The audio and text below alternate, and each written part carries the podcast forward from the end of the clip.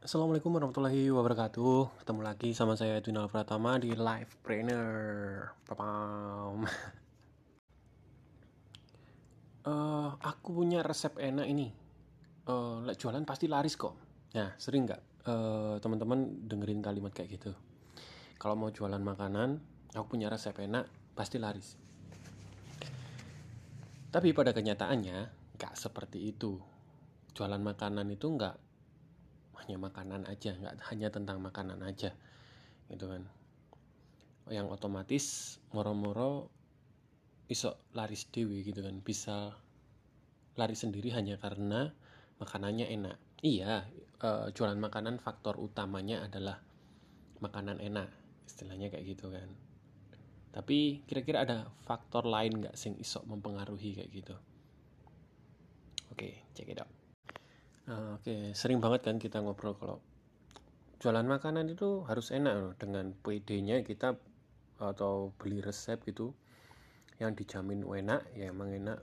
Tapi kita nggak nggak nggak datang datang juga konsumennya ya datang mungkin satu dua gitu kan. Tapi teman-teman terkadang kalau usaha itu mesti bukan nggak suka ya kadang-kadang aku ya agak-agak aneh aja bagiku. Ketika usaha makanan dia hanya berfokus pada produknya gitu loh. Padahal namanya usaha itu kan fokusnya nggak ke produk aja gitu kan. Ini aku punya resep uh, nasi goreng enak. Beliin harganya 5 juta wis dijamin laris gitu. Hal apa yang bisa menjanjikan seperti itu gitu gitu loh. Bingung aku kadang-kadang. Kasihan juga buat orang yang beli resep kadang-kadang. Ada di teman-teman di case lain gitu ya ya lihat resepnya cuma di YouTube. Nasi goreng bikin nasi goreng enak. Eh ternyata rame gitu loh. Orang ini memperhatikannya memperhatikan faktor lain juga seperti kayak marketing tempat terus gimana dia punya strategi marketingnya kayak gitu. Teman-teman pernah lah jumpai makanannya biasa aja kan. Biasa biasa biasa banget gitu kan. Tapi tempatnya rame gitu tempatnya rame terus sampai ada orang bilang hmm enak iki? You know. padahal kalau dirasa ya biasa-biasa aja tapi kenapa tempatnya rame gitu? Atau orderan GoFoodnya rame kok bisa kayak gitu? Sesuatu yang sering lepas dari pengamatan kita itu sebenarnya ya marketing. Sebagus apa pun produknya kalau nggak ada orang yang tahu kataku ya nihil juga kalau kamu nggak menawarkan produk itu ke mana pun gitu kan. Contoh aku nawarin produkku ini satu dua orang terus ya sudah aku nunggu ada orang membeli lagi gitu. Loh yo kataku nggak bisa berhenti di situ gitu loh. Gimana gimana kamu ya harus promosi terus bikin ngasih satu dua orang influencer kemudian besok ngasih lagi besok ngasih lagi. Kataku gitu. Marketing itu nggak bisa berhenti sih. Dan berharap konsumen ngomong dewi iya ketika emang produkmu enak, barangmu enak, terus kamu bagikan ya, kamu bagikan dan orangnya bilang enak juga, otomatis kan dia akan bilang nge-share itu ke teman terdekatnya, kayak gitu. Nah, tapi lah barangmu enak, kamu simpen dan kamu berharap orang datang sendiri dan mengetahuinya itu kok nggak mungkin gitu loh.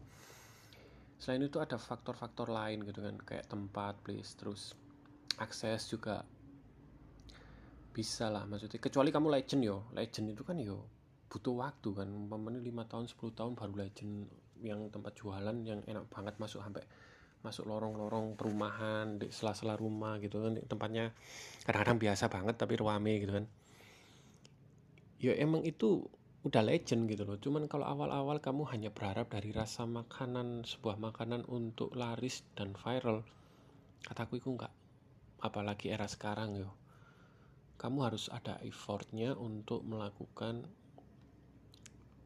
pemasaran entah itu ngubungin selebgram entah ngubungi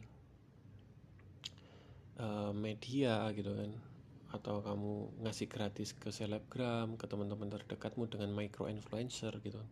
Ya emang harus ada apa ya hmm, bahan bakar sih maksudnya uang yang untuk promosi gitu kan.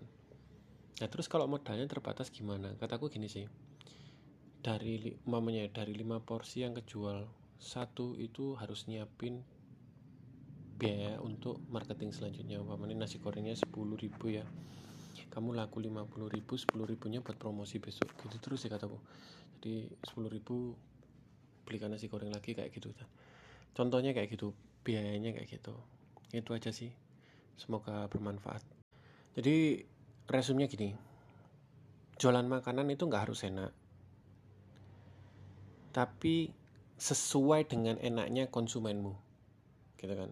E, target marketmu satu itu. Kedua kamu harus marketingnya kayak gimana? Penting banget promosinya nanti gimana?